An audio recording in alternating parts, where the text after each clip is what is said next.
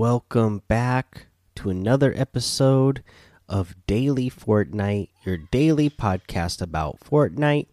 I'm your host, Mikey, aka Mike Daddy, aka Magnificent Mikey. Today we got a patch. Uh, there's no real patch notes, guys. This is just a pretty much a content update.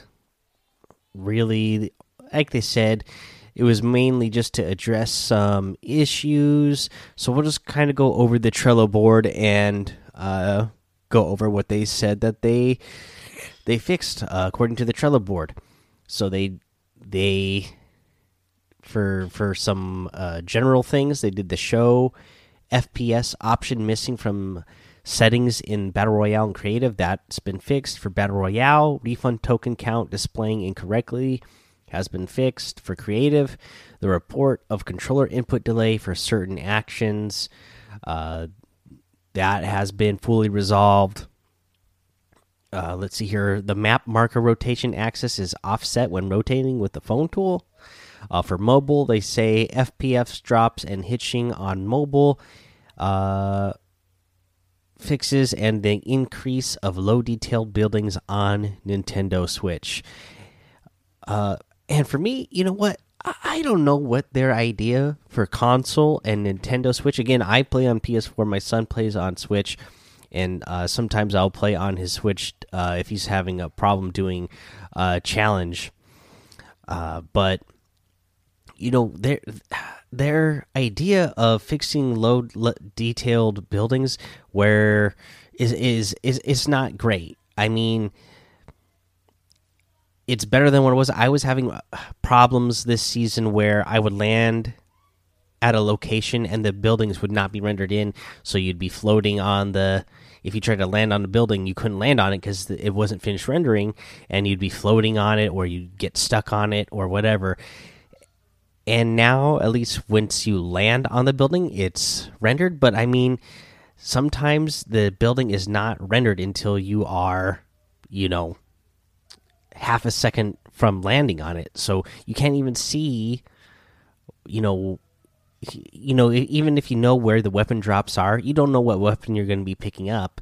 Uh, you know you, you can't really decide oh i'm going to go land on that building because i see a blue thing over there versus the one i'm about to land on only has a gray pistol.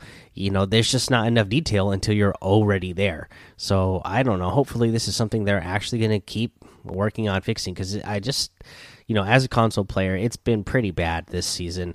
Uh, you know, and there's multiple articles written about it on the internet on how bad uh, the overall console experience for Fortnite has been this season. I, you know, and uh, maybe it's because they did such a big overhaul for uh, Chapter Two.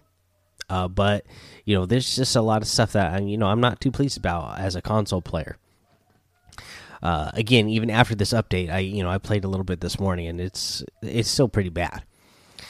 Uh, you know, and speaking of updates, I mean, again, no real patch notes. Just you know, go to the Trello board and see for yourself what they fixed. They didn't even bother to write out the the, the fixes. Uh, you just go look at the uh, Trello board and see what the fixes are. Uh, you know, I, am really ready for actual patch notes to come back.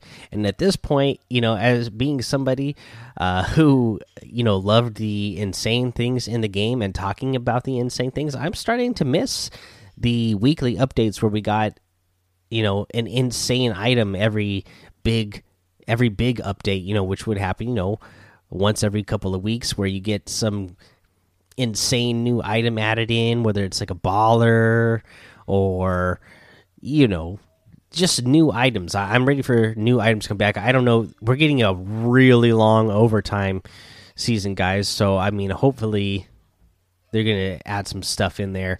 Uh, you know, throughout this really long uh, overtime season. Otherwise, you know, I don't know. I don't know what you have to, uh, you know, get really excited about you know, because it's really great for the competitive side of things, but man, I'm start I'm starting to miss some things. Uh, but you know that's that's all I really had to say. That I just kind of want to talk about that because, uh, you know, I don't really have any of the new challenges to go over yet, and we covered everything pretty much in this week's challenge list. So let's go ahead and take a break here. Now come back, and we will go over uh, that item shop. All right, look. Let's take a look at today's item shop, and we have the winter ski set back in the item shop. So this is all of those uh, ski outfits. So you both have the male version and the female version. Uh, pretty good looking outfits, in my opinion. You know, then you can get them all in you know different color scheme uh, styles, and they have the they're all uh, well, most of them are based off of different uh, countries. Uh, so those are in the item shop. That's a good uh, sweat skin to wear in the winter season. You have the Snowfoot outfit, the Snow Strike outfit, the inverted blade harvesting tool, and the Snow Blades glider. You have Bigfoot outfit back in the item shop. Good to see that one back. The ski boot harvesting tool, the My Idol emote uh, let's see here. The Snorkel Ops outfit, always a great one. One of my favorites. The Disc Spinner emote. And the Infinite Dab emote. That was one of my original favorite uh, emotes as well that I used to use all the time. Uh, in the store section, you still got that dark, dark Fire bundle and the starter pack, Wave Breaker starter pack. Get all those items using code Mike Daddy M M M I K E D A D D Y in the item shop uh, to help support the show. And again today, you know, uh, whew, still doing crazy long hours at work, so I don't I don't have a real tip for you today. But that's you know one of the other reasons why I'd like to see some more uh, big updates again. That's kind of why I missed the big updates because it was always like, man, we're we're getting a new item in the game that we haven't got to use yet. So, you know, we have you know like now we're forced to like figure out how do we deal with this new item how how do we get good with this new item um but you know again overall i mean it, for the competitive side of things it is really great i think uh to have the the loot pool that we've had throughout the entire season. It's kind of nice. Like, and I think you know it'd be good going forward if they keep doing that for the competitive side of things. But just as a content creator, I am kind of missing, uh, you know, new things to talk about and having new items to learn. Uh, you know, on learn how to use and how to innovate with them.